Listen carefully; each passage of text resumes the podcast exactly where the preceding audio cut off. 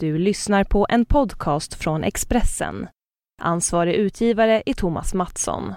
Fler poddar hittar du på expressen.se podcast och på iTunes. Då hälsar jag dig välkommen till avsnitt 153 av Livshjulet.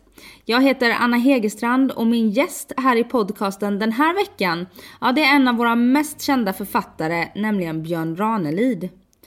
Björn är just nu aktuell med sin 34 roman som heter Överbefälhavarens hemlighet. Och samma dag som vi sågs i Expressens poddstudio så gick Björn ut med att han till Bokmässan släpper en hyllningsbok till Zlatan. Kanske har du en speciell person du vill höra i livshjulet framöver eller du kanske bara vill ge mig feedback? Maila i så fall på anna.hegerstrand.se eller gilla livshjulet på Facebook och släng iväg en kommentar. Jag finns också på Instagram där jag heter att Anna Hegerstrand. Nu Björn Ranelids livshjul, varsågod.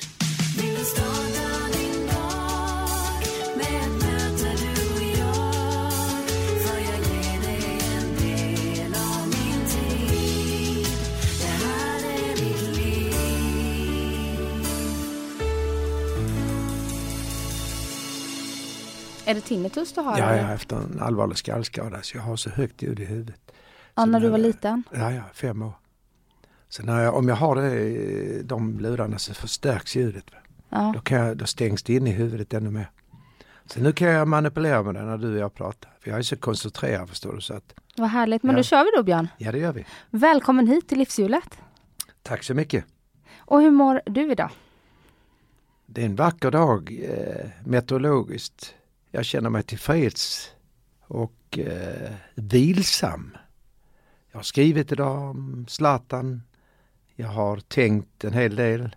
Jag har suttit i solen i en halvtimme mm, på södersidan av Hornsgatan 36. Jag har pratat med Margareta och min yngste son var uppe en kort stund. Han bor våningen under oss. Och så har vi hunden Kalle. Så att eh, jag har de här eh, vad ska vi kalla det för, satelliterna i min hjärna varje dag.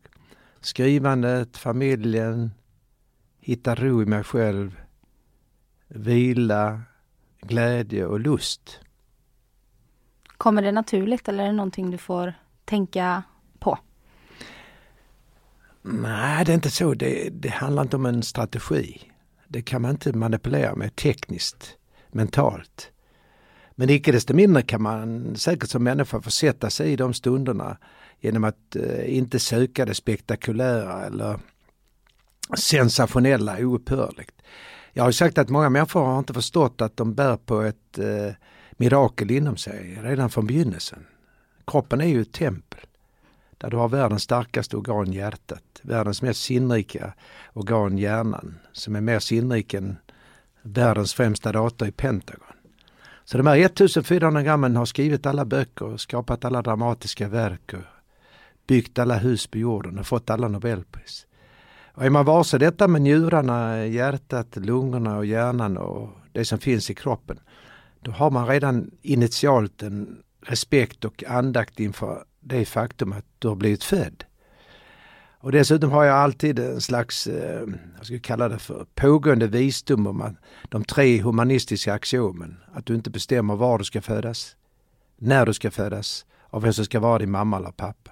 Då är man ödmjuk inför sin tillvaro. För det, du är inte förtjänt att födas privilegierad i Sverige där det inte varit krig på 204 år och där du kan dricka vatten direkt ur klosettskålen och där ingen kan dö av svält såvida man inte lider av anorexia eller är anorektiker eller sjuk på annat sätt så är det faktiskt nästan omöjligt att svälta till döds i Sverige.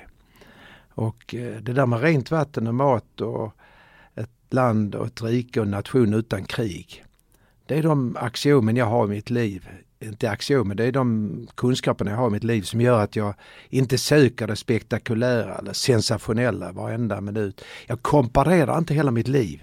Jag behöver inte åka långt bort för att tycka livet är fantastiskt. Det är därför barnen säger till mig, pappa du är nöjd om du får en slät bulle och en kopp kaffe. Det roliga är att ett av mina barnbarn, Ryder Jackson, min dotter berättade att han hade ätit en hel påse med, med släta bullar och då blev jag väldigt glad för att jag älskar släta bullar. Mm. Jag behöver alltså inte det spektakulära i mitt liv eftersom jag träffar så många människor också och får så mycket av mina läsare så är det för mig en reciprok handling, det vill säga en ömsesidighet. Att ha respekt tillbaka. Så alla människor som träffar mig med mina fel och brister, de vet om att, att jag slarvar inte bort stunderna. Så när jag kommer till dig så är jag i tid, jag är väl förberedd, jag är extremt noggrann på vad jag säger och eh, slarvar inte bort de här stunderna. Om människor hade tänkt lite mer så, nu menar inte jag att jag borde vara en förebild eller ett föredöme, men icke desto mindre så tror jag nog att jag kan förmedla någon form av, av visdom i detta. Vilket jag sa bland annat när jag var i Västerås domkyrka i förrgår på annandag påsk. Och då nämnde jag detta med det viktigaste i livet är att du inte komparerar bort dig. Längre bort, rikare, mer berömd, mer känd. Utan du håller andra kring det du föds med för du har inte själv bestämt detta. Och kan du då födas redan initialt privilegierad i avseenden rent vatten, vilket inte gäller för många människor på jorden. Du har till och med torka i amerikanska staten, eh, Förenta eh, Staternas mest, eh, vad ska vi kalla det för, spektakulära stat, Kalifornien. Den största staten med flest människor. Ett fantastiskt klimat men icke desto mindre numera vattenransonering. Och betänker man allt detta med kriget och, eller krigen i pluralform, svälten på jorden, sjukdomarna, jordbävningar, orkaner, tsunamin. Då är vi redan från början privilegierade i Sverige. Har vi dessutom en växling i, i eh, meteorologin vad det gäller väderlek och årstider så är det något, en glädje i detta för då kan du längta också när våren kommer och försommaren kommer så är det för mig oerhört viktigt. Så när jag springer min äppellund på Kivik, det heter på Kivik och inte i Kivik, mm. så äh, jag jämför det med Stockholm där jag bor i övriga delen av året. Och jag, jag är född i Malmö men jag har bott i Ystad i tio år. Jag har bott i Genarp också. Jag har bott i Göteborg ett år. Då har jag detta som en slags eh, provkarta på vad livet kan vara beroende på var du bor. Så jag har både Sveriges största stad, huvudstaden och sen har jag lilla Ystad och Genarp. Och sen har jag detta i förhållande till Rosornas gård som jag nu skriver om med Zlatan och min barndomsstad Malmö som finns i min tunga, mina kaviteter i munnen, mitt idiom. Och jag tar inte bort min dialekt. Vilket får många att tro att jag bor i Skåne eller på Österlen. Men jag, är, jag bor i Stockholm sedan 27 år tillbaka. Den 13 juni 1989 kom jag och Margareta hit med de två barnen då som vi har i äktenskapet. Och hon blev skolsköterska på Adolf Fredriks musikklasser direkt. Och hur kommer det sig att, att det blev Stockholm och att du stannade kvar här? Ja, det är en mycket bra fråga. Jag sökte mig inte hit. Margareta fick tjänst på Adolf Fredriks musikklass. Och då följde jag henne för att Margareta är född i Uppsala. Då fick vi lite närmre till hennes föräldrar för mina föräldrar Eh, hade inte dött båda då men eh, jo pappa var faktiskt död då men, men inte, inte mamma. Och då kunde vi kompensera mina svärföräldrar Alf och eh, Kersti eh, de åren så de fick med oss lite närmare till barnbarnen än vad de hade alla de andra åren sedan jag träffade Margareta. Och henne träffade jag den 13 februari 1976. Och det var skälet till att vi åkte till Kap Verde så jag bjöd henne som en överraskningsresa i år. Så vi var på Kap Verde eh, när vi firade 40 år tillsammans som par. Så att hon studerade vidare som eh, barnsjuksköterska på sin vidareutbildning i Malmö. Och där träffade jag henne, eh, jag träffade henne egentligen på Malmö nation i Lund. På dans. Det är lite roligt, jag träffade både min första fru och min andra fru på dans. Så det var lite roligt med Let's Dance då att jag dansade tre kvällar i veckan. Mm. Det var ett naturligt sätt att träffa kvinnan och flickorna. Och då får man respekt för kvinnor också. Att man är hövisk när man ska bjuda upp och ha respekt för kvinnan, vad jag säger och hur jag uppträder. Och detta försöker jag förmedla till mina söner. Så att eh, respekten för kvinnan finns där redan från början. För jag har aldrig förstått detta med att man ska ha makt över någon människa. Jag har ju också den enda i världen som har skrivit en roman som heter Kvinnan är första könet. Mm. Och du som en gravid kvinna vet om att kvinnan var gång en kvinna föder ett barn på jorden så är det en pil som färdas mot framtidens hjärta. Och när den pilen färdas så gäller det att man vårdar den här pilen och, och att man tänker efter vad händer i framtiden om vi missköter oss, om vi initierar krig, vidmakthåller hat och hämnd och vendettor som sker i Mellanöstern med flera länder idag. Du har Afghanistan, du har dessförinnan Vietnam, du har Syrien. Du har Libanon för ett antal år sedan. Du har hela konflikthärden i den delen av världen där människor ständigt strider om, om vem som ska bestämma, vem som ska ha makten. Och detta, detta är ju en kunskap som jag har med mig när jag skriver och när jag talar. Och jag har precis läst din senaste bok. Om vi inte pratar om, om boken om Zlatan. Mm. För den har ju inte kommit, den kommer Nej. i augusti. Ja. Men vi fick reda på det precis här idag på förmiddagen. Mm. Att, eh, att du har skrivit. Mm. Eh, men Överbefälhavarens hemlighet mm. har jag precis läst. Mm. Eh, och det är första boken jag har läst av dig. Mm. Och mina fördomar om eh, dig som författare var att det skulle vara tungt att läsa dig. Med svåra formuleringar, bara den här mejlkonversationen vi har haft. Du uttrycker dig väldigt poetiskt. Eh, och det, eh, men det var inte svårt. Det är Nej. väldigt enkelt att läsa det du skriver. Ja, alltså jag gläder mig att du säger detta. Och det är så att jag är mycket lättare att läsa än Stig Larsson och P.O. Enquist och Kerstin Ekman och Torgny Lindgren. Jag är en av de författare i Sverige som är lättast att läsa. Så därför kommer mina böcker ofta ut med lättläst också. Så jag tror fem av mina böcker kommit ut med lättläst.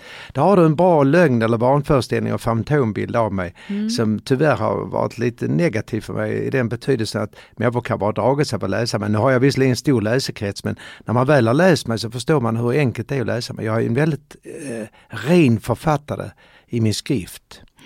Tvärtom tror jag påstå att jag är provokativt enkel att läsa. Det finns inga metatexter inom mig eller jag skapar aldrig konstigheter infrastrukturellt i texten. Utan jag försöker hela tiden suggerera läsaren redan för första meningen. Och när du har hört första meningen av mig nu i överbefälhavarens hemlighet så förstår du, herregud, han fångar en hel värld i en mening. Så nu tar jag den in extenso direkt ur hjärtat och du kan intyga att jag har inte den framför mig. Nej. Jag kan alla första meningar utantill men jag har aldrig lärt mig dem utantill. För jag är rätt dålig på att lära mig utantill. Många tror att jag lär mig utantill men det gör jag aldrig. Så här lyder första meningen i överbefälhavarens hemlighet. När överbefälhavaren Axel Wiman började gråta under presskonferensen så lät det som en svag bris drog genom barndomens rapsfält. Men innan dagen var över hade en storm dragit in över landet och många människor förvandlades till vargar och rovfåglar som kretsade över sitt byte. Punkt. Nästa mening. En människas liv kan vara som två öppna händer. Men Axel Wiman dolde sina hemligheter i en knuten hand. Hans ord är en äng för allas fötter. Då har du fått egentligen allt eh, vad hela romanen handlar om redan i första meningen. Mm, ingressen. Och den är lätt att läsa. Jag fick ett brev från Kai Pollak där han skrev att han kunde inte släppa boken. Han var helt betagen i den och många andra. Det gäller för Sigrid Combüchen i Svenska Dagbladet och eh, Staffan Dopping i eh, SVT Opinion och Dan Jönsson i, i Kulturnytt i radion. Så nu är, nu är det dags att, att den här vanföreställningen plockas bort en gång för alla. Och jag gläder mig att du sa detta för att du är en väldigt viktig röst för mig nu. I den stund du säger detta till mig så är det mer värt för mig än pengar och berömmelse. För du har nämligen träffat rätt precis. Mm. Jag är enkel att läsa. Eh, det är lätt att följa med i texten. Du läser nog hela romanen på sex timmar, fem, sex timmar. Mm. Ja, fem timmar tror jag det tog. Mm. Och då undrar jag, Axel Wiman, han är huvudperson mm. i den här boken, mm. som handlar ganska mycket om ett mediadrev. Mm. Och det handlar om en uh, ganska stor hemlighet, utan att avslöja för mycket nu mm. då, för, för läsarna som förhoppningsvis blir nyfikna på, mm. eller lyssnarna som blir uh, nyfikna på att läsa boken. Hur mycket av dig själv plockar du med i boken? För du har ju varit ute i blåsväder ja, media. Absolut, absolut. Eh, jag har ju den kunskapen som är organisk. Jag behöver mm. aldrig låtsas. Jag har till och med varit med i en bok som heter Driven. Eh, och den kunskapen är, är det organisk. Jag behöver inte för, förställa mig eller sitta och läsa på.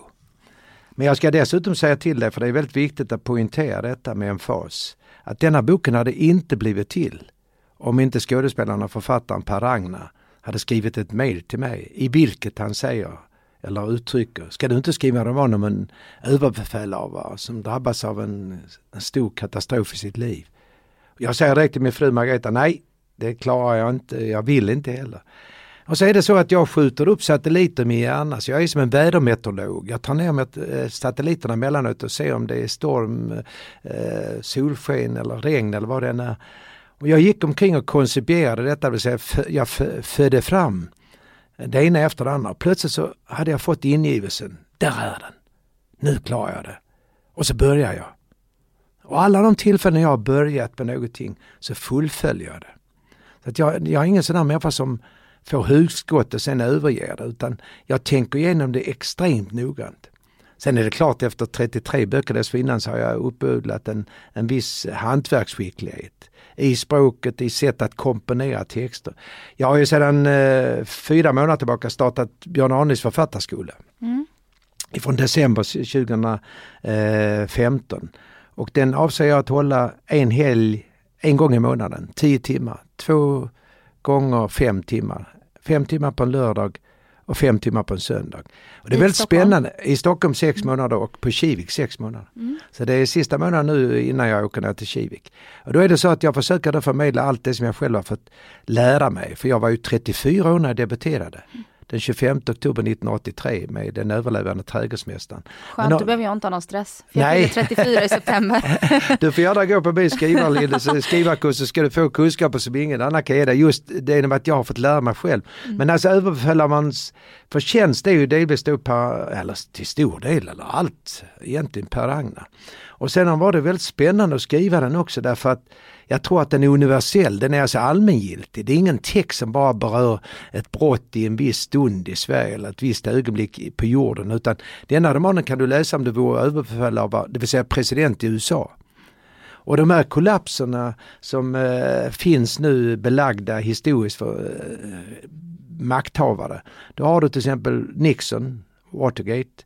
Du har eh, i Sverige Ove Reiner som avgår, gråter, Palme sitter bredvid på presskonferens. Du har Sigvard Marjasin med urkundsförfalskningarna. Du har Håkan Juholt. Du har eh, Mona Sahlin. Eh, du har Obama som gråter två gånger i samband med skolmassakrer och eh, skjutningar på unga människor på skolor, universitet, högskolor i, college i USA. Så att det finns ju mängder av exempel historiskt sett. Och denna Axel Wiman är ju en striper på många sätt. Han har ju en rustning, en blykammare. Men i den blykammaren så finns hans lilla syster eh, Ingrid som är lindad i den 47 kromosomen, det vill säga Downs syndrom. Och hans son Johan som driver omkring på gatorna husvill och vilse, eh, alkoholiserade, drömmar om att bli musiker och konstnär men han duger inte till det. Han har supit bort och knarkat bort det. Och han är nu ute efter att sätta dit pappan. Och drivet då, kvällsjournalisterna, de söker ju upp denna Johan i Köpenhamn. Och dessutom är Axel Wimans hustru drabbad av bröstcancer som har metastaserat. Och i den stund han står på presskonferensen kan han inte hålla den här rustningen. Och den lilla flickan Ingrid sitter då tillsammans med Johan i barndomen i en ek där han har gjort en koja åt henne och honom. Och så läser han ur boken Barnen från Frostmofjället. Och så rasslar det i löven. Och så säger han till lilla Ingen och hon frågar vad är det? Vad är, vad är det Axel? Det är eh, naturen som önskar oss en godnatt. Så allt det där finns inom honom och då brister han. Och när människans kropp är för liten så skrattar och gråter hon. Det är därför skrattet och gråten är de mest sanna uttrycken hos en människa. Det är därför du aldrig får se eller höra en eh, statsminister eller statsråd gråta i plenisalen i Sveriges riksdag. För då, då har du kommit till barnet inom dig. Tåren får inte plats i människans kropp. Skrattet måste ut och höras.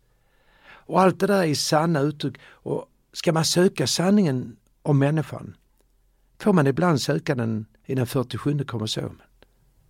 Därför att en Downs syndrom, ett barn som är lindat i 47 kromosomen är oftast mer sant och ärligt än nästan alla andra människor på jorden. Det är därför vi måste ta vara på alla människor på jorden, inte stöta bort dem och säga vilka som inte duger och vilka som duger. För mig duger alla människor.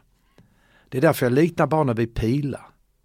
Det är därför jag dessutom säger när eh, en turkisk polis som är över två meter lång finner på stranden ett litet barn, en pojke som har spolats i land med lite för stora skor.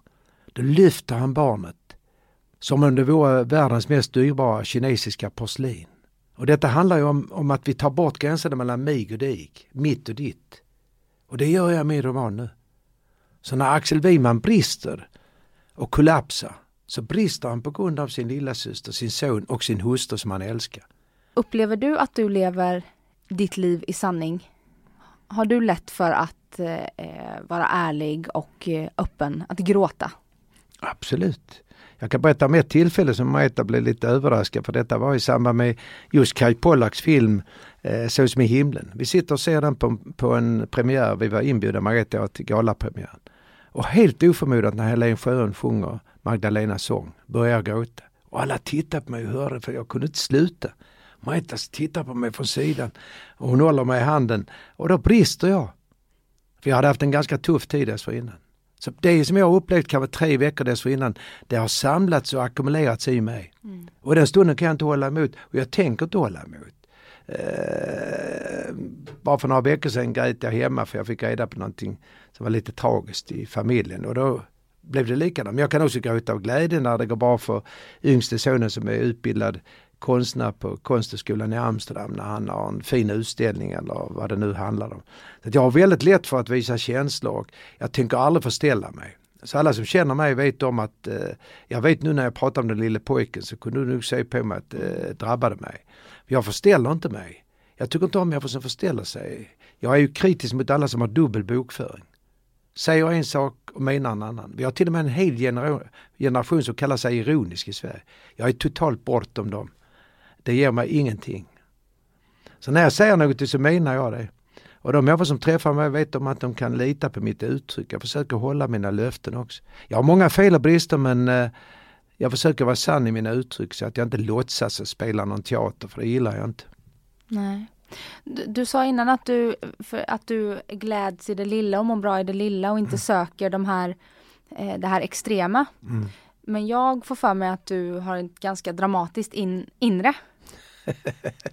Stämmer det? Jag hör att du är journalist. Eh, du brister även du. Eh, ja, dramatiskt in har jag för det är ju, jag har ju berget på dels det där med ljudet i min skalle som är följd av en allvarlig skallskada. Och sedan att jag blev så retad i, i puberteten när min läpp började växa innan första operationen. Min fru var med och lyssnade på en av mina forna studentkamrater som berättade detta för henne så hon fick höra det från en säker källa direkt. Men jag har aldrig gått omkring och beklagat mig över det. Men det är klart det var en känslig ålder att, att ansiktet vanställdes på det sättet. Jag, det dröjde ända fram till 2003 innan eh, en eh, läkare, överläkare på hudkliniken i Kristianstad, han heter Magnus Irestedt, ringde mig och berättade att jag har ett syndrom som heter Melkerson-Rosenthal syndrom. Han ville att jag skulle träffa en liten pojke som har drabbats av detsamma. Men jag tror inte man tio stycken i Sverige har drabbats av det. Så att den, de där två, två, dramatiska händelserna i mitt liv, ljudet i skallen som jag ständigt måste arbeta med. För jag är aldrig befriad från ljudet. Jag har varit beredd att destruera, ta bort hörselnerven på båda öronen. Har du det dramatiska livet då har du samtidigt en möjlighet att, att hålla anda kring det som är friskt hos dig och starkt hos dig. För då tar jag ingenting för givet. Mm. Och det handlar också om eh, efter bilolycka och annat att det går väldigt snabbt att, att livet förvandlas i en katastrof genom att du mister någon i familjen. Och detta anser jag att man bör då och då ta upp med barnen så man inte tar det för givet att de är starka och friska och lyckliga.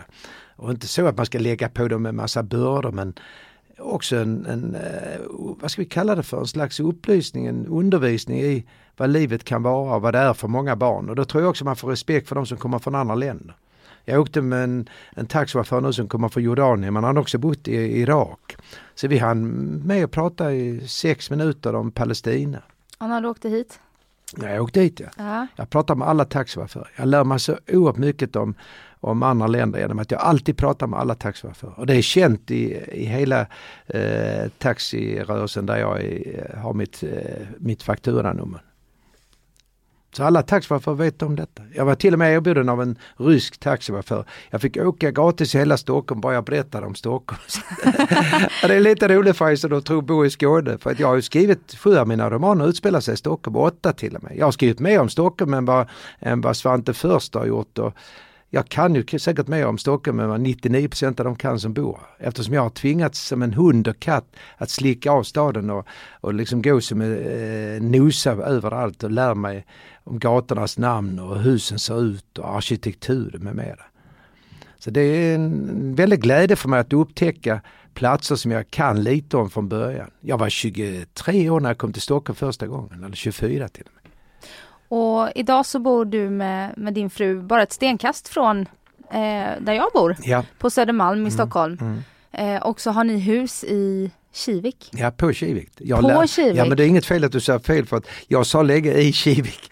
Varför då- säger man på Kivik? Ja det är för att det anses vara ett läge, precis som du säger på Vik, på Brantevik, på Skillinge. Men du säger i Södermalm. Simrishamn, men du säger på Limhamn.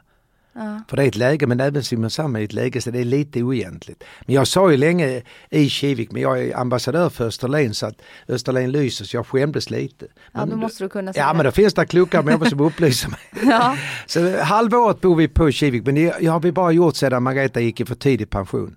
Så att dessförinnan så åkte vi ner kanske 8, 9, 10 veckor om året. Eh, på helger och eh, under sammanhängande sommarlov för Margareta. Men nu försöker vi bo 4, 5 eller 6 månader på Kivik. Mm.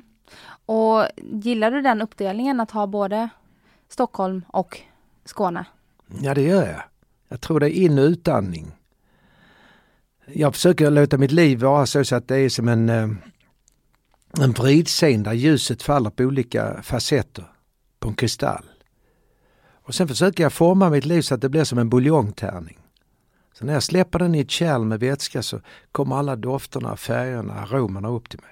Och det handlar just om detta också att ta vara på livet och du nu som är blivande mamma kommer, är redan så, du är redan så vis och klok så jag kan inte lära dig särskilt mycket i, i vad, detta bär, vad du bär inom dig men jag har ju ändå en kunskap genom mina egna barn och, och eh, vad graviditeten har inneburit för kvinnan. Att jag, jag försöker som man lära mig så mycket som möjligt. Och jag tror också att det är väldigt viktigt av, hos mannen att, att alltid ha den respekten för kvinnor. Jag har aldrig förstått de män som skulle ha anspråk på att tjäna mer pengar än kvinnor. Kvinnor ska ha samma lön som män för samma arbete. Jag har aldrig strävat efter att ha makten i mitt äktenskap. Jag har aldrig förstått det, kommer aldrig att förstå det. Jag tror mitt föredöme var pappa Sigvard som alltid behandlade min mamma Margit med största respekt. Hämta mig varenda dag i mammas köttaffär. Mamma cyklade med mig från det jag var fyra år 1953. Och så var jag där i fyra år, fem, sex dagar i veckan eh, vid hennes eh, köttaffär. Så gick jag till Möllevångstorget i Malmö och såg det myllrande livet där med alla torgmadammerna. Och gubbarna som satt som stora fåglar på terrassen till Axel Ebbes monument Arbetets ära. Och en del gubbar kom från ölhallarna och hade druckit för mycket öl. Då kom poliserna och tog hand om dem i svarta Maja. Så det är myllret av människor har jag kunnat sedan använda mig av när jag skrev min självbiografi. Till alla människor på jorden och i himlen. Så när du frågar mig om detta med drivet och min rom- senaste roman eh, Överbefälhavarens hemlighet så använder jag mig av egna kunskaper. Jag glömmer ju inte så mycket. Jag har kanske eh, en miljard minnen i mitt huvud. Och det har du också men det gäller att ta fram dem. För om man blir bitter och hatisk och förgrämd som människa eller man spiller bort det på sprit eller narkotika eller vad det än är. Då har du redan gjort avkall på det templet som är din kropp. Och gör du avkall på det så bryter du egentligen en, en nåd redan från början. För att du föds frisk somatiskt och kommer in i livet som till synes död materia så kommer livet igen. Så när ditt barn är fött och föds så är det, det är egentligen död materia från början. Och jag har dessutom tagit reda på av genetiker att jag får lov att säga och har fullmakt av dem att säga på scenen att varje människa existerar endast ett exemplar. Och när hon är borta kan hon aldrig ersättas av någon annan. Därför enäggstvillingar har inte identiska genuppsättningar. Mutationerna börjar redan i konceperingsögonblicket, i befruktningsögonblicket. Så varje människa finns rent vetenskapligt, empiriskt och biologiskt i ett enda exemplar. Vad är då den etiska och moraliska implikationen, innebörden av det? Du ska inte dräpa, inte mörda, inte göra någon annan människa illa. Fysiskt eller psykiskt. Och kunde alla människor på jorden hålla de eh, deviserna och vad ska vi kalla det för, råden i huvudet så skulle hela världen förvandlas i ett slag och vet du hur mycket det skulle kosta? Inte en krona. För allt det som görs till människor väger ingenting och kostar ingenting. Kärleken väger ingenting. Sinnligheten väger ingenting. Erotiken väger ingenting. Glädjen och sorgen och smärtan och lusten väger ingenting. Men det syns aldrig i bruttonationalprodukten. Nej. Men alla bruttonationalprodukter på hela jorden är avhängiga av det som inte väger någonting och inte kostar någonting. Jag tror det är ett av skälen till att jag är förmodligen Sveriges mest eftertraktade föredragshållare eller framträdande människa på scenen. Det är inte för att jag är mäktigare än någon annan eller bättre än någon annan. Men de vet om att när jag säger något så har jag tänkt igenom det och jag håller tiderna och jag ger dem ett språk som är bortom det slarviga språket. Det är därför du aldrig får höra mig säga jag baduba typ liksom va. Jag använder inte det språket för det, det, det ska man inte göra som man är, om man är författare. Är jag snickare eller murare eller plåtslagare eller ciselör och stuckatör, då slarvar inte jag med mitt hantverk. Så varenda, varenda författare eller journalist som inleder meningar med typ annat, de tröttnar jag efter 20 sekunder. Då måste jag fråga, har du hört mig säga typ? Nej. Jag har inte gjort det. Nej, inte en gång. Och det gör inget om du säger det. Nej, jag, jag, jag, vet att nej men jag är ingen språkpolis. Många tror att jag är en språkpolis. Jag är inte alls en språkpolis. men du lägger ju ett bra minne. Ja det är klart jag. jag gör men det är ju av omsorg. ja. Du har ett lika rikt språk som jag, det är inte det. Utan det är bara det att är du författare och journalist så har du bara ett material och det är språket, i skrift och i tal. Och det är ju som en snickare och murare. Du ser ju inte en murare som tar lite bruk på en slev och slänger det på måfå på en vägg. Du ska inte ha respekt för den muraren. Du ska inte ens anlita honom eller henne. Och det är ju samma med författare. Inleder du vana mening med typ det. Du kan inte säga som en elev sa till Margareta en gång. Ja, typ ont här. Du kan inte ha fröken nu som säger typ 2359. Nej. Jag menar, det, allting faller. Vad tycker du då om att i princip vilken känd människa idag som helst kan bli författare? För alla får ju möjligheten bara du har dina kanaler. Ja absolut, men du ska, ja, för mig för, eh, det handlar det om att kunna hålla i långa loppet. Jag har nu hållit i 33 år. Så jag har hållit längre än vad Zlatan har gjort. Jag kommer hålla längre än vad Zlatan har gjort. Jag kommer att hålla längre än 95% av alla som skriver detektivromaner eller annat. Inget ont om dem men, men det, det, är inte att skriva en bok, du ska skriva eh, 34 som jag har skrivit eller 50 eller 70 som Per Westberg eller, eller 70 som Slas, Stig Slasen eller Ivar Lo. Så det gäller att hålla ut och vara tålmodig. Tar du inom eh, musikvärlden så är du inte mer än 20 artister som har hållit mer än 40 år.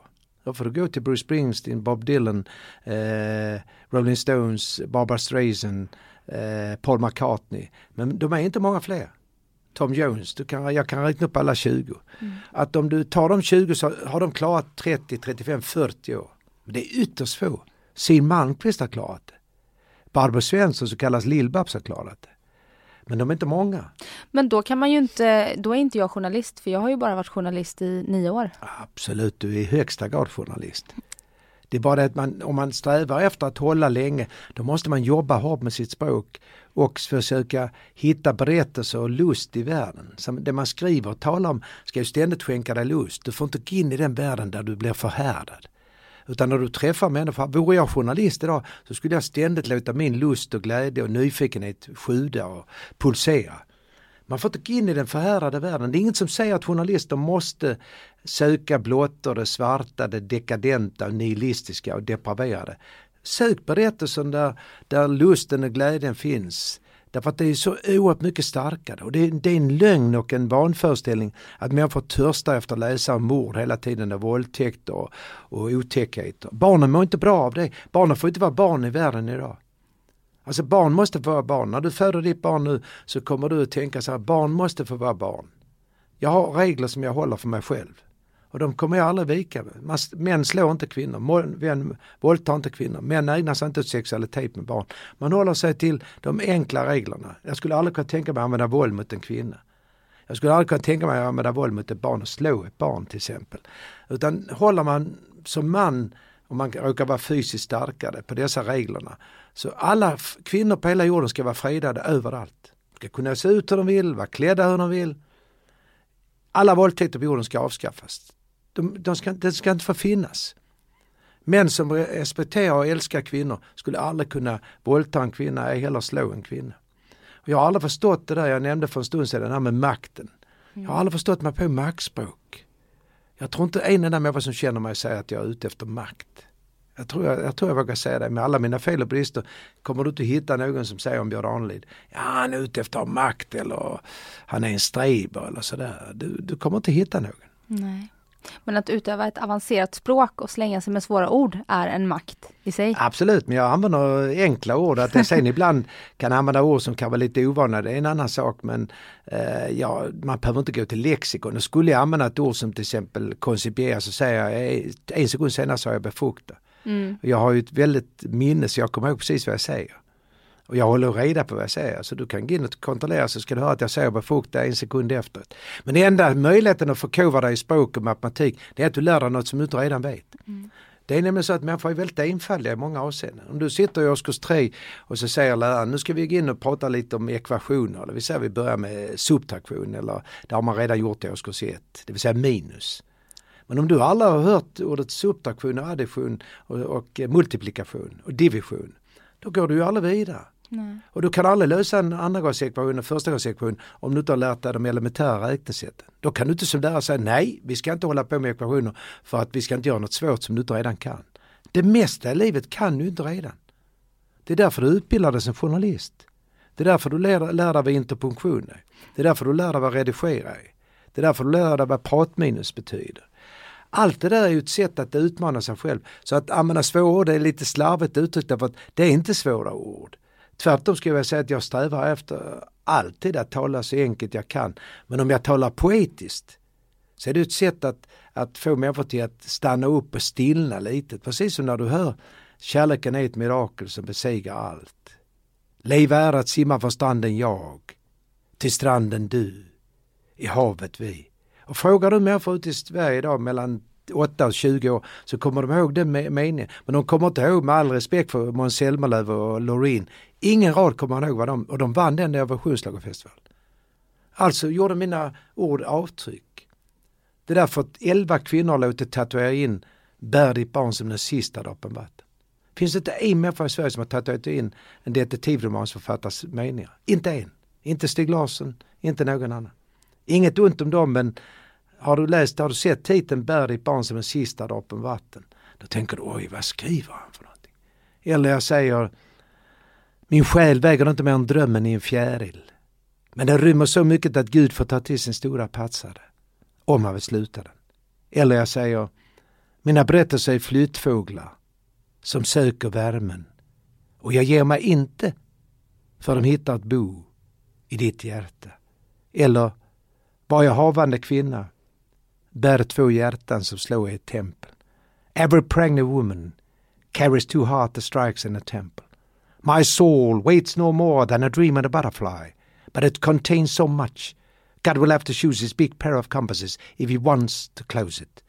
My story is a migratory bird seeking warmth, and I won't give in until you nest in your heart. To live is to swim from the shore I, to the shore you, in the ocean we. Nu har du fått det på engelska, nivellerad rikssvenska och skånska. Och det är så vi gör avtryck i språket. Det är så vi lyssnar på Jussi Björling, eh, Maria Callas och Birgit Nilsson. Det är så vi tittar på konsten med Rembrandt, Picasso. Eller lyssnar på eh, operasång som eh, kan vara Jussi Björling eller, eller vad det nu kan vara. Det blir, det blir det unika. Och då måste man ibland anstränga sig lite för man får ta lite språng.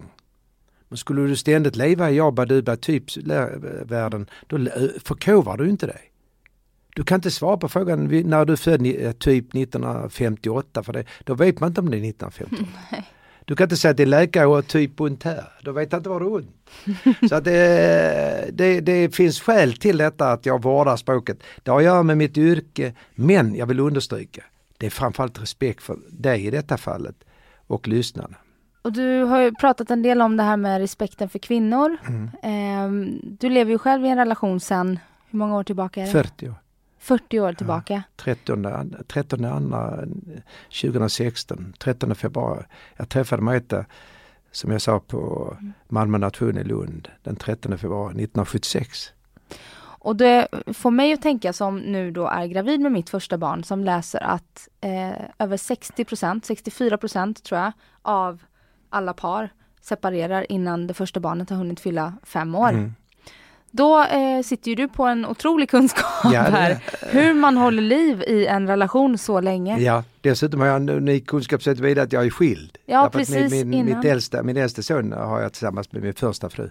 Och vi träffades när hon var, knapp, hon var 15 och jag var 17. Så det var, vi var väldigt unga, det var ju Ja. väldigt vacker kärlekshistoria men det höll inte. Men då kan man också lära sig någonting av detta med misstagen och eh, eh, om jag får frågan, vilket jag får rätt ofta. Jag har fått den av Malou von Sivers, jag har fått den av flera journalister. Och då svarar jag alltid så sanningsenligt jag kan. Humor, respekt, glädje, ömsesidiga intressen och att man vet om som, som en del i äktenskapet eller i partnerskapet, att man vet om att det går upp och ner hela tiden. Och det finns stunder då det tar emot, barnen är små, de är sjuka, man ska upp på morgonen, eh, man ska orka ta dem till daghem, man ska se till att klara av sjukdomarna, man är ängslig att det ska hända dem någonting. Allt det där finns inom en som förälder och det växer ju fram. Men om jag ger efter för första lilla motstånd och börjar betrakta varandra utifrån felen och bristerna. Det handlar också om respekten för fel och brister. Och en del människor de förstår inte att väntar man ut lite så kan det ju ändra sig till något gott. Jag vet ibland att jag kunde bli lite irriterad på Marita, vi hade olika syn på skolan till exempel. Men då kom jag ju fram till efter 5-6 år att hon hade rätt och jag hade fel. och det är så roligt att säga att hon har rätt och jag hade fel. Jag skäms inte för att säga att jag hade fel. Utan då, men jag trodde ju att jag hade rätt då. Och jag, eh, det är ren glädje, du ser jag skrattar när jag ser det. Det är mycket som Marita är mycket klokare än vad jag är. Hon har mycket klokare förhållanden till offentligheten än vad jag har. Nu har hon ställt upp i några sammanhang, arga snickaren och vi var med när kronprinsessan skulle gifta sig. Hon ställde upp i en intervju i Hemmets Journal och dagen efter kom det på löpsedeln i både Kvällsposten och Expressen. Ja, så det är inte ofta Marita ställer upp i offentliga sammanhang. Men hon har ingenting att frukta därför att hon, hon är ju en väldigt klok människa begåvad och oerhört självständig. Så att eh, jag har inte särskilt mycket att lära Margareta. Hon har däremot mycket att lära mig.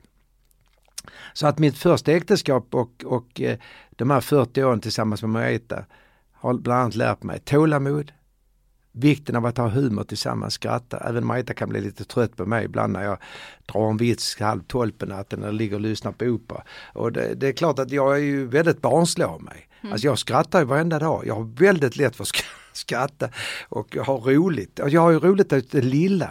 Alltså jag behöver inte något spektakulärt, jag berättade det för en stund sedan. Att jag, jag, alla som känner mig vet hur mycket jag skrattar. Jag vet att jag skrattar så mycket så att August trodde att jag hade drabbats av en hjärtinfarkt. Min yngste son gick in och hämtade mamma och sa pappa är blå om läpparna. Jag låg på golvet och sprattlade som ett barn och skrattade så jag tjöt åt en vits, eller var egentligen en sketch i tv med en tandläkare. och jag, skrattade, jag kan skratta än idag åt samma eh, sketch. Och detta, detta tror jag blir en slags gåva också att du, att du har roligt tillsammans. Och det, när vi kör bil, jag och Margareta, när vi kör alla dessa sträckor vi har åkt, vi har ju pendlat, jag pendlar mellan, jag kör ju mellan 5 och 8 tusen mil om året. Och det är klart att då måste man ha roligt i bilen och skratta och skoja och dricka lite kaffe och så kommer mina släta bullar och, och sen har vi hunden Kalle, dvärgpinchen som ska ut och kissa och bajsa. Och då har vi roligt åt det. Så att jag, jag försöker hela tiden uppfinna de enkla handlingarna i livet. Det var det jag pratade om för en stund sedan också, att inte komparera ständigt. Och just den här eh, barnsligheten. Den har ju tagit sig uttryck, eh, dels du har gjort väldigt många tv-framträdanden, det pratade vi om innan vi, vi slog på mikrofonerna här. Mm. Du har varit med i Skavlan och På spåret, men också Let's Dance, Melodifestivalen. Eh, det är Stjärnorna på Väldigt- slott. Stjärnorna på slottet, ja det är stort, men det är ett hyllningsprogram ändå. Det, Ja, ja. det är stort spann Ja, mellan ja, det. mm. Och eh, i finrummet då, om man får uttrycka det så, så är det inte helt okej att vara med i Let's Dance kanske. Nej. Men Det är där- i det? Det är därför det är så roligt att säga detta till dig för jag ser på dig att du ser inte ett dugg elak ut eller här. Utan tvärtom har du insett vad detta handlar om. Det är att bjuda på mig själv. Mm. Så när jag är med i Arga snickaren eller jag var med tre gånger i Bingolotto, jag var med i Sommarkrysset och Allsång på Skansen. Så bjuder jag på att jag ska dansa Paso och tango i direktsändning. Men är man väldigt ängslig så är det som Anders Paulus sa till mig som jag var lite mentor för några år. När han skrev eh, kultursekreteraren på, på Aftonbladet. En väldigt duktig författare, en fantastisk människa. Jag besökte honom eh, på slutet innan han dog. Bersta hospice. Och han säger till mig i Norrköping när jag kommer där en gång och ska prata om Thomas Tranströmer på Arbetets museum. Han kommer över bron och jag kommer ihåg det exakt vad han säger till mig. Han säger så här, du Björn, jag vet varför många ger sig på det, eller en del ger sig på det. Du har så stor träffyta. Det var Torgny Lindgren, P.O. Enquist och Kerstin Ekman som jag verkligen respekterar som författare. De har inte den träffytan. Men är du med i Let's Dance och Stjärnorna på slottet så är det ju på det sättet att, eller som i mitt fall att jag glömmer bort att jag inte ska svara i telefon. då är det så att om du då, om du då eh, eh, drabbas av de här människorna som söker fel hela tiden. Då är det lätt att gå in i någon slags eh, försvarsställning. Men jag bestämmer från början att jag ska inte förställa mig. Det är därför människor kommer att säga när jag är död, ja men han höll, sina, han höll sin linje. Och det är därför Zlatan också får utstå ett och annat i sitt liv. Därför att han gör ju reklam för Dressman, men han gör också reklam för en sportdryck. Eller för Volvo. Och jag har gjort mer reklam än någon annan svensk författare, vilket du inte vet om. Jag har gjort för Volvo, jag har gjort för Vattenfall, Stockholms linjetrafik. Jag har gjort för Lagerötarna 57. Jag har gjort för Coop i TV, jag har gjort för Karlshamns Mejerier TV. Jag har gjort för Blossa. Jag har gjort för IKEA två gånger. Posten. Så jag har gjort reklam för alla de ställena. Och då har jag också bjudit på mig själv när jag gjorde Coop i TV utan manuskript. Eller när jag gjorde eh, Claes Olsson i radions program 5 eller vad det nu var, Lugna favoriter var det. Och då är det så att, att bjuda på sig själv innebär också att jag får en stor träffyta. Och då är det väldigt lätt att försöka skjuta prick på mig. Men då har du att välja som journalist på de människorna som är livrädda för att bjuda på sig själva. Som anser att de är så fina, så fina. De är så fina så att du menar munnen så här, så fin, så fin är jag. Jag är så fin nu så jag kan inte prata fin jag är. Jag är det finaste som finns och det vet jag inte min värld. Jag har vuxit upp 700 meter från där Rosengård byggdes. Vi bodde i två rum och kök, 54 kvadratmeter med fem personer. Och pappa fick aldrig blomstra som bildkonstnär trots att han var extremt duktig. Nu tar min yngste son äh, äh, stafettpinnen i form av hans penslar. Och sen har jag vässat de penslarna till en blyertspenna. Yngste sonen August är långt mer begåvad än jag. Har nu gått på Kungliga Konsthögskolan i Amsterdam och hade bara för någon månad sedan en stor utställning i Stockholm. Och jag märker ju vilken glädje jag känner när jag pratar med honom om konsten. Och då är det så att den här träffytan jag pratade om för en stund sedan, den kan både vara något negativt och något positivt. Det positiva är att människor i det långa loppet inser att Björn Ranelid har inte hemliga telefonnummer. Han har till och med haft namnet på sin registreringsskylt på sin Jaguar. Vilket gör att jag står för mina handlingar på allmän väg. Då kan du ställa följdfrågan till dig själv som journalist och medmänniska. Är det bättre att människor gömmer sig, är inskränkta i sin rädsla för att göra bort sig eller bjuda på sig själva? Eller är det bättre att göra som jag och Zlatan? Det finns ett skäl till min förläggare Ivar Bonnier har sagt Björn Ahlid är litteraturens Zlatan och nu skriver jag boken om honom. Och det är det som är att jag sluter jag cirkeln och kommer tillbaka från min barndom när jag ser att Rosengård håller på att byggas. Där människor som bodde i halv och omoderna lägenheter i, i Malmö sökte sig till stora kök, hissar, tvättstugor och flyttade till Rosengård. Och då tar jag också mina minnen från Möllevångstorget, en bit ifrån där jag följde mamma till köttaffären, där jag träffade den första jugoslaven, greken och italienaren som sålde rotfrukter, grönsaker och frukt på torget. Så allt det gör jag nu en uh, gobeläng av. Och det är så jag arbetar när jag skriver och är författare. Så de där, den där träffytan gör ju också att jag bjuder på mig själv. Men jag skiljer inte mellan fint och högt och lågt. Och det är därför det är så underbart när Stenmark, som inte sa mer än 500 ord sammanlagt under hela sin aktiva karriär, som går in och vinner Let's Dance. Och Wassberg som muttrade någonting var tredje månad i offentligheten ställer upp. Och, då får vi inte glömma bort, operasångaren Loa Falkman gör reklam för ICA. Men han har också varit den som höll i alla fall ett år eh, talet på Skansen. Tennysons eh, nyårsklocka. Du har dessutom Alice Babs som ställde upp i Melodifestivalen. Du har Malena Ehrman som är operasångare som ställde upp i Melodifestivalen. Du har eh, Wicksell som är operasångare som ställde upp i Melodifestivalen.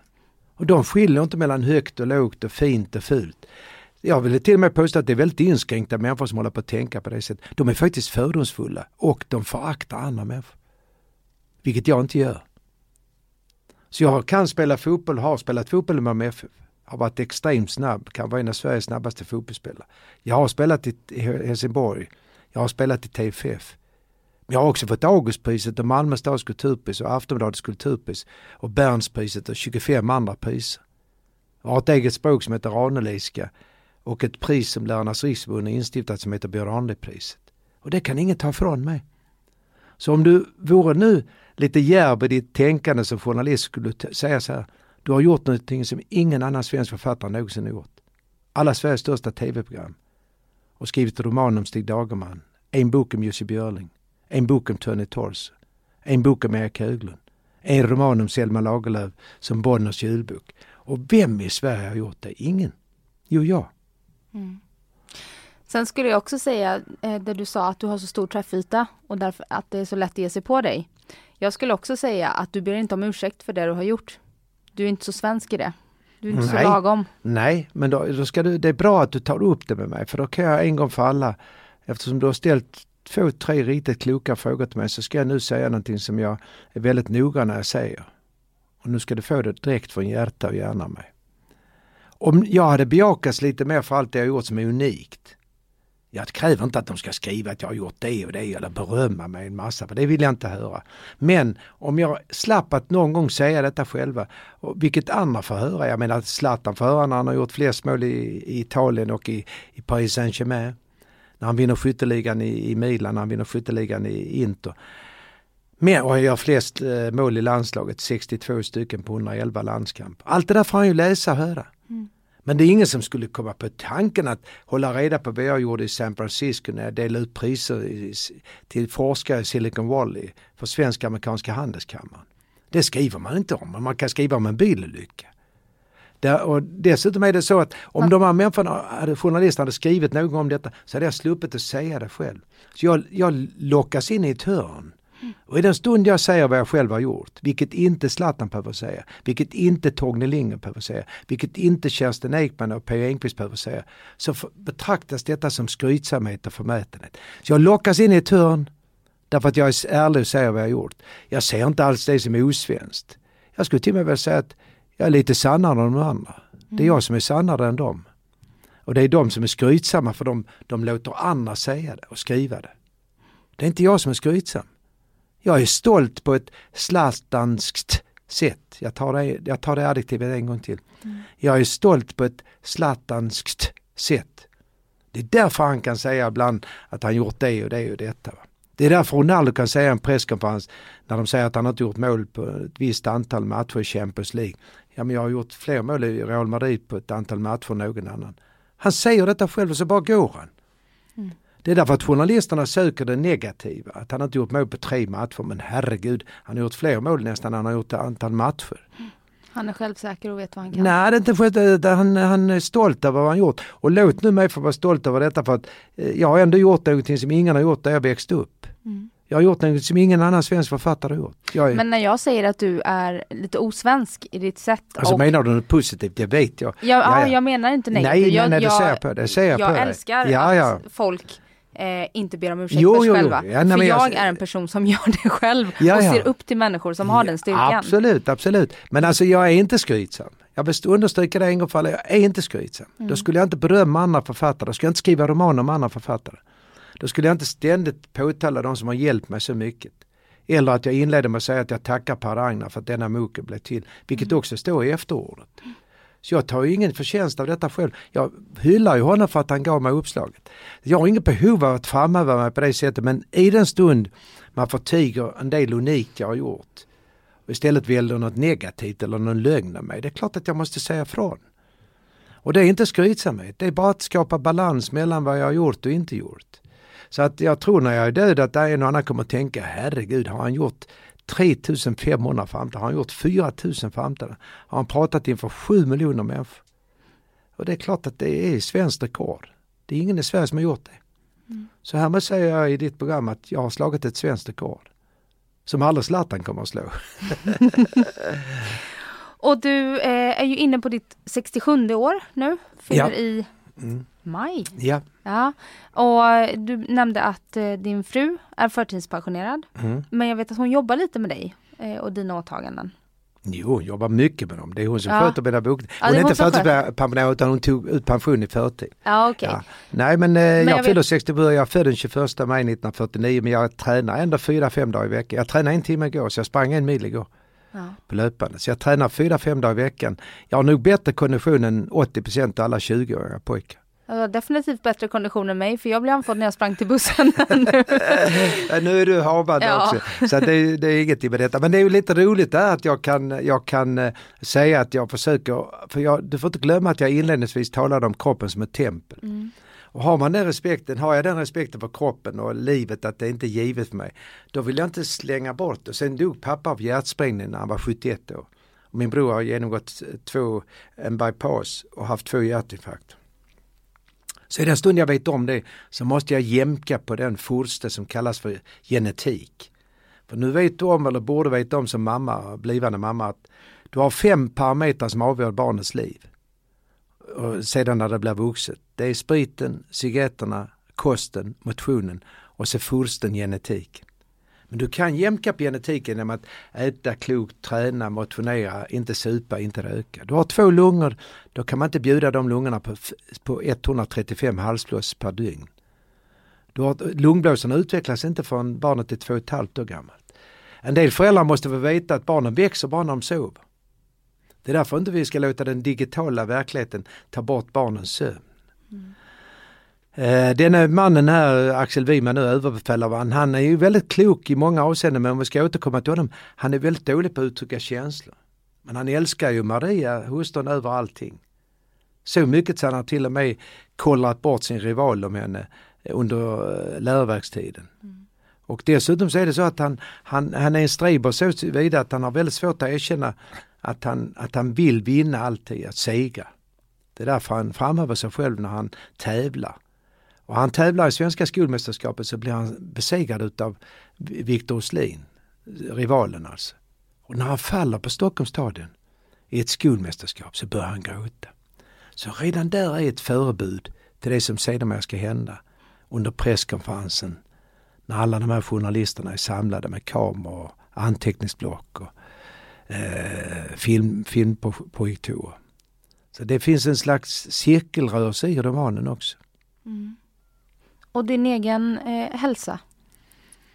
Ja, bortsett från ljudet i skallen så har jag inte varit sjukskriven en dag på 39 år.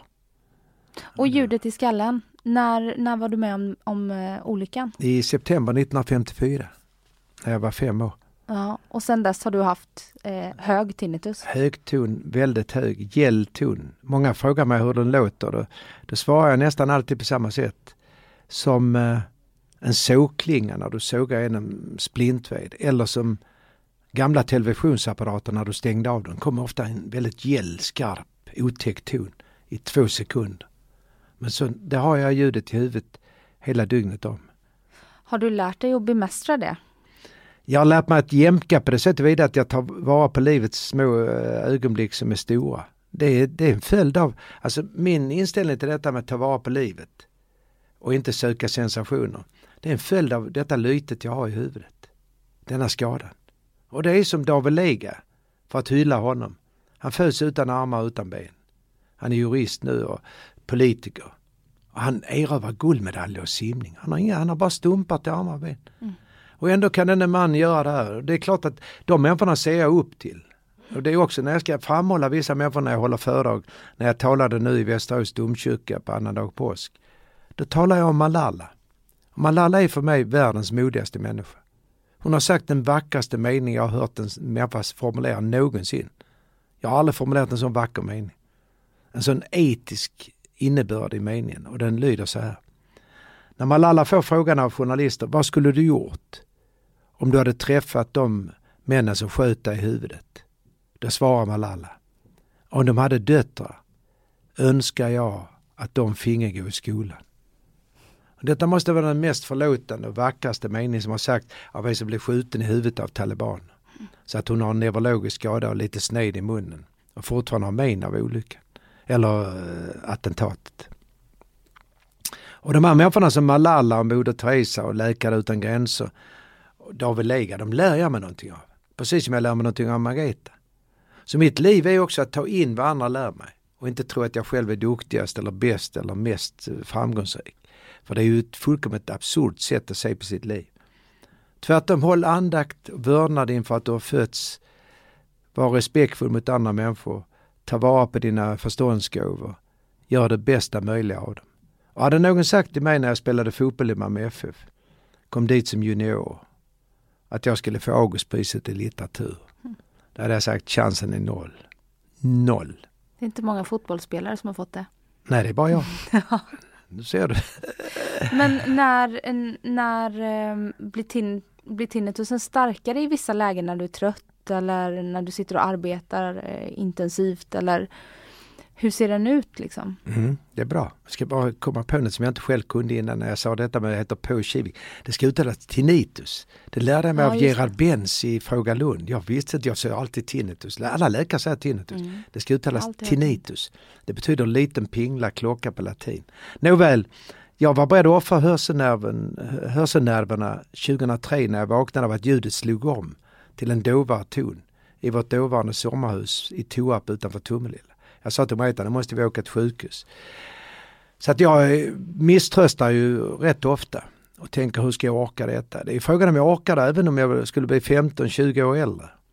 Eh, för då måste jag hela tiden bjuda motstånd och det motståndet kan komma i form av att jag skri skriver, framträder, njuter av landskapet, njuter av äppellunden, njuter av havet, njuter av haväng, njuter av naturen som inte kostar någonting. Och alla de där glädjeämnena som jag berättat om tidigare, de tar jag in i min själ och så blir det, lägger jag det som vikter i en vågskål. Och i den andra vågskålen har du ljudet i skallen. Och så får det väga upp det ena, väga upp det andra.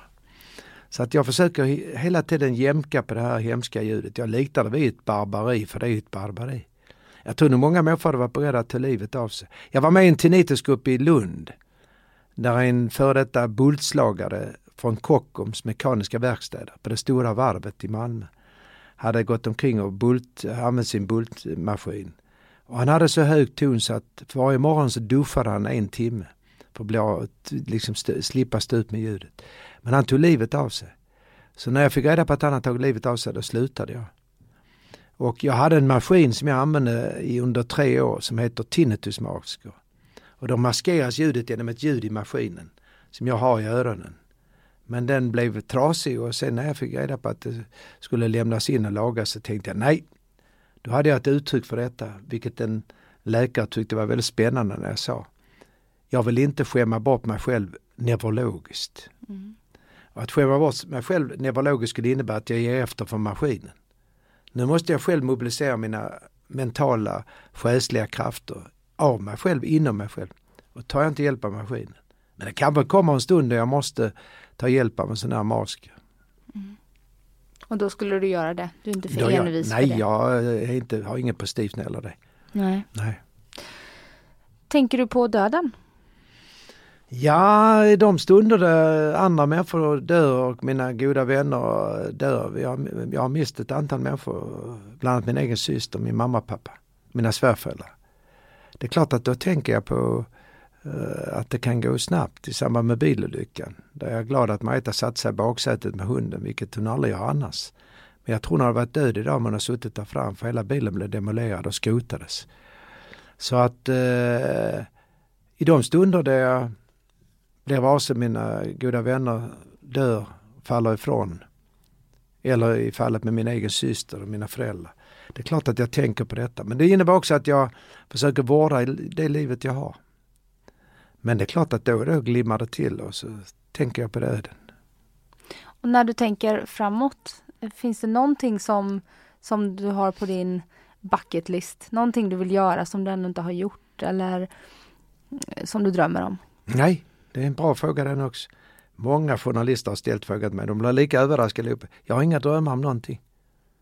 Jag går inte omkring och drömmer att jag ska göra något stort eller ännu större eller märkvärdigt än vad jag redan gjort. Däremot så jobbar jag väldigt hårt oerhört målmedveten. Men jag vill inte söka de här spektakulära resorna. Jag har till exempel aldrig hoppat fallskärm. Jag skulle aldrig kunna tänka mig att dyka på djupt vatten, alltså 20-30 meters djup. Jag skulle inte kunna tänka mig att klättra berg. Jag avrådde min äldste son Alexander för att hoppa fallskärm. Jag menar att jag behöver inte de kickarna som en del säger för att det ska vara något spektakulärt eller spännande. Jag har kickarna inom mig själv. Jag använder inte ens ordet kick. jag gjorde en eftergift nu. Men jag behöver inte de uh, känslorna. Jag har det inom mig själv. Mm. Det är min, min känsla att jag tittar på, på Äppellunden eller går ut med Margareta eller vi, vi vandrar i Havinge eller med mitt barnbarn Ryder Jackson eller jag träffar Zoe May. Jag såg en film nu med Zoe May som kom på mobilen när hon tror att hon är, är sångerska. Alltså jag skrattar åt det i 20 minuter. Mm. Margareta tittar på den filmen 50 gånger. Alltså jag behöver inte de, eh, den stimulansen som en del behöver som de kallar för kickar. Klättra i berg det är att träffa mina barnbarn. Dyka på 20 meter det, det är att träffa barnbarnen. Eh, hoppa fallskärm det är att eh, ta vara på livet. Dessutom så inleder mästaren och metaforernas hövding Thomas Tranströmer, sedermera nobelpristagare 2011. Han inleder sin första diktsamling 17 dikter 1954 med följande mening. Uppvaknandet är som ett fallskärmshopp från drömmen, tror jag det är. Jag hoppas jag citerar rätt nu om Monica Tranströmer skulle höra mig. Mm. Men eh, jag växlade böcker med Thomas Tranströmer. Han skrev med sin vänstra hand och Thomas och så skrev Monica. Det var väldigt stort för mig. Mm. Eh, så att eh, fallskärmshoppet det är också att, att eh, leva och, och ta vara på de stunder du får. Och du sa tidigare också att det här materialistiska, att det inte är någonting du söker. Men du har gjort en klassresa. Absolut. Mm.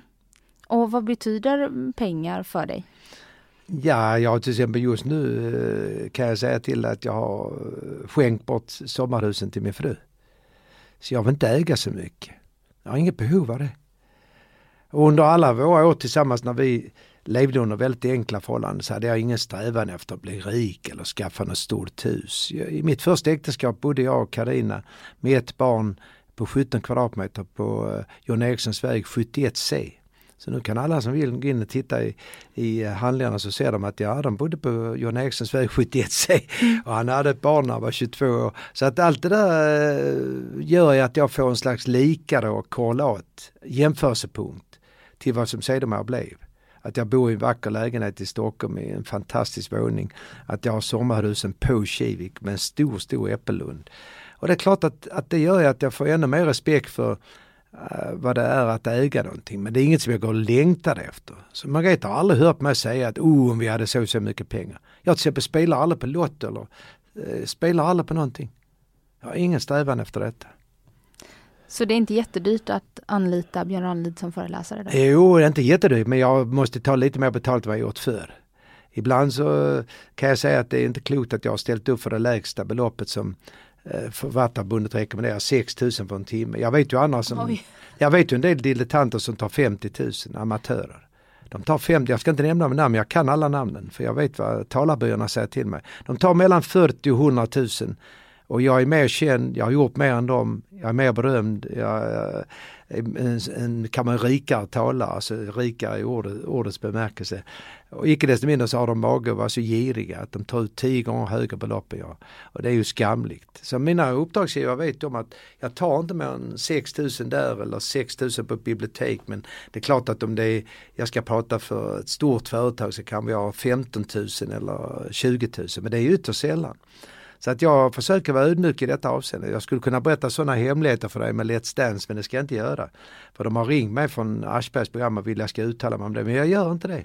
Jag kan bara säga att jag tog det lägsta betalning. Jag tog mm. det lägsta beloppet. Jag har ju haft eh, eh, två av årets Let's Dance deltagare mm. och jag har fått lite, lite eh, information mm. om de olika gagerna mm. och de varierar ju otroligt mycket. Ja, jag tog det lägsta. Mm. Jag tog eh, 370 000 mindre än en annan person. Mm. Och jag tog lika mycket som Pascalide för jag ville vara solidarisk mot henne. Men det var jag som var på alla ljusramperna, jag och Marie Lindberg i hela Stockholm. Men jag tog det lägsta. Och detta kan du gå in och kontrollera och jag står för det. Mm. Jag ser, säger inte namnet på som, han som tog 370 000 mer men det är sant. Mm.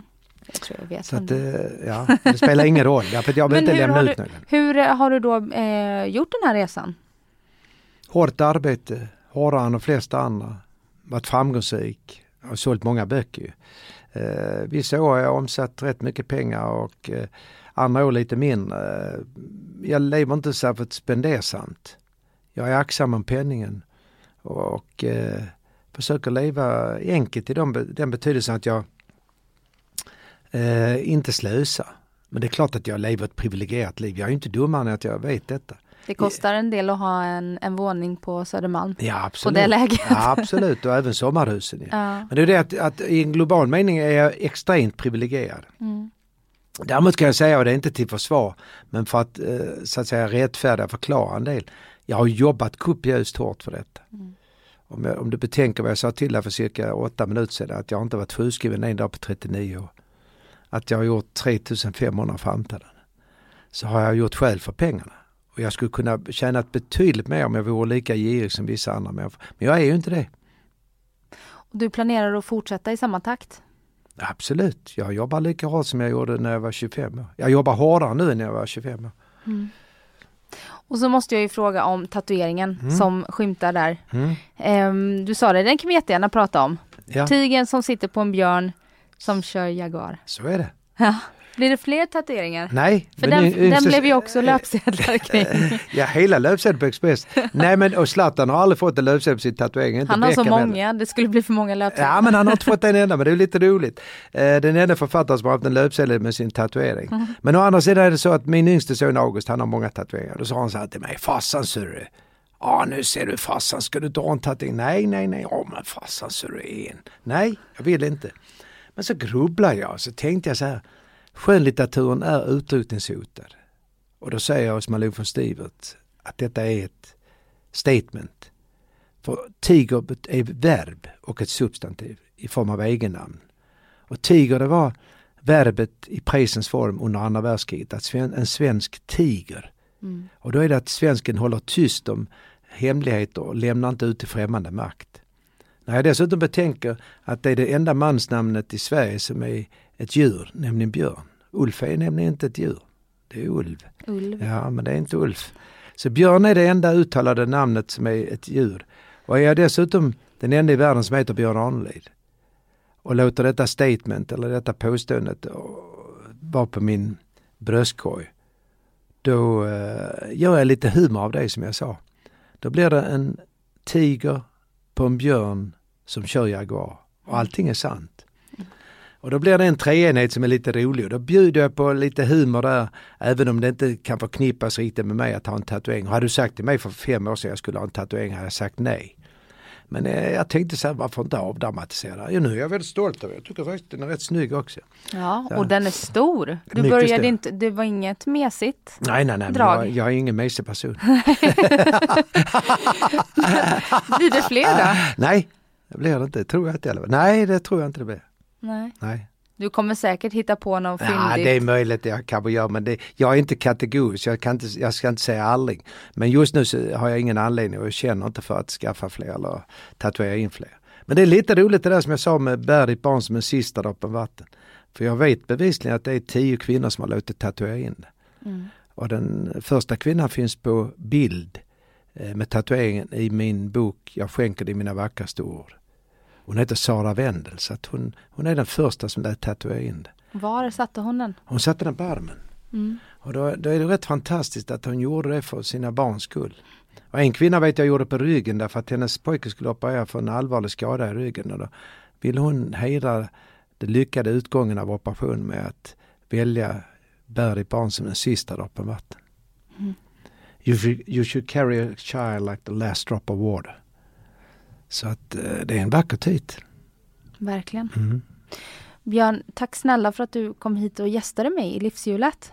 Och berättade om ja, dels ditt livshjul och, och dina verk och vad du har på gång. Det ska bli spännande. Har du träffat Zlatan inför... eh, Nej, Du har aldrig växlat ett ord med honom. Jag har varit på plats när han spelat och Vet han om Ja. att du skriver den här Nej, boken? det kan man veta inom ett par dygn så lär han väl se det i media. Ja. Men eh, det är ju en hyllning till honom så att det är nog den största hyllningen han någonsin kommer att få. Dessutom den enda renodlat skönlitterära boken. Och jag har inget ont att säga om David Lag- Lagercrantz bok. Jag recenserar ju den i tv på Sportspegeln. Men det är ju en intervjubok. Han har ju försökt imitera och, och härma Zlatans talspråk med många typ. Men det, det, och dessutom har inte David varit fotbollsspelare. Men inget ont om David Lagercrantz eller hans bok. Men detta är ju ingen, ingen intervjubok. Utan det är en skönlitterär hyllning av eh, den enda fotbollsspelaren i Sverige som har fått Augustpriset. Mm. Där du också lyfter fram hans familj. Ja, en del. Helene Seger ska ha sin, sin eh, beskärda del vad hon har betytt för honom och jag vet att hon betyder med sin klokhet. Och eh, naturligtvis hans enorma stolthet och kärlek till barnen, Maximilian och Vincent. Och det är väldigt viktigt att framhålla det för ofta glöms det bort. Så att Helena får en framträdande plats där jag skriver om, om eh, vad jag förmodar, jag är nästan säker på att Zlatan skulle hålla med mig, att säga att hon har betytt och betyder väldigt mycket för honom. Mm. Tack snälla Björn. Det är jag som ska tacka, det här var en riktigt härlig stund. Jag har varit på gott humör, jag har bjudit på mig själv, jag har varit eh, stringent i mitt språk och vinnlagt mig om att det ska vara välformulerat. Det tackar vi för och jag tror inte jag har sagt ett enda typ. Nej, du ser vad, jag smittas. jag smittas. ja, det gör du verkligen. Och så säger vi hej då till lyssnarna också. Tack ja, snälla. Tack så mycket, var det de med. Hej då. Hej.